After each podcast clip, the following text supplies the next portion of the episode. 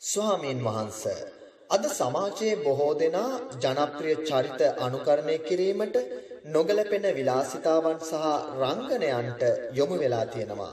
ස්වාමීන් වහන්ස ධර්මයට අනුව මේන් අකුසලයක් සිදු වෙනවාද? මෙතන භයානක අනතුරක් බුදුරජාණන් වහන්සේ දේශනා කරනවා පිංහතුනි. මොකද බුදුරජාණන් වහන්සේ ළඟට වරක් ගාමිනී කියල එක්තරා තරුණයෙක් කෙනවා. මේ තරුණයා තමයි එදා දඹදිව ජීවත් වෙච්ච ලස්සනම දක්ෂම නාට්‍ය ශිල්පිය.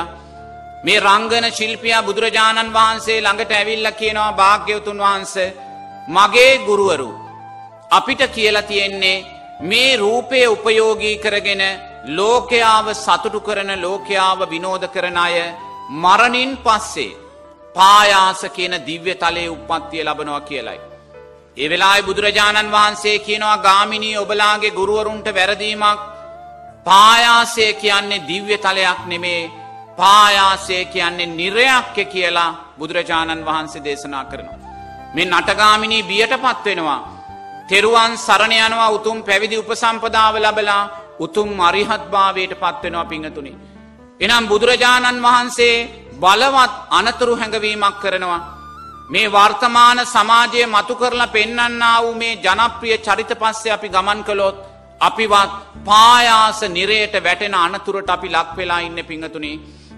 බුදුරජාණන් වහන්සේ දේශනා කරනවා අපි මේ ලැබවා වූ රූපය ඇඳුමෙන් පැළඳුමෙන් හෝ අපි ලෝකයාට නිරාවරණය කරනවා නං එය නිරයගාමී අකුසලයක් කියලා පිංහතුනි. නිරේගාමී අකුසලයක් කියලා බුදුරජාණන් වහන්සේ දේශනා කරනවා. ඒ නිරේගාමී අකුසලයා අපිය පායාසය නිරය කරාරං යනෝ කියලා බුදුරජාණන් වහන්සේ දේශනා කරනවා.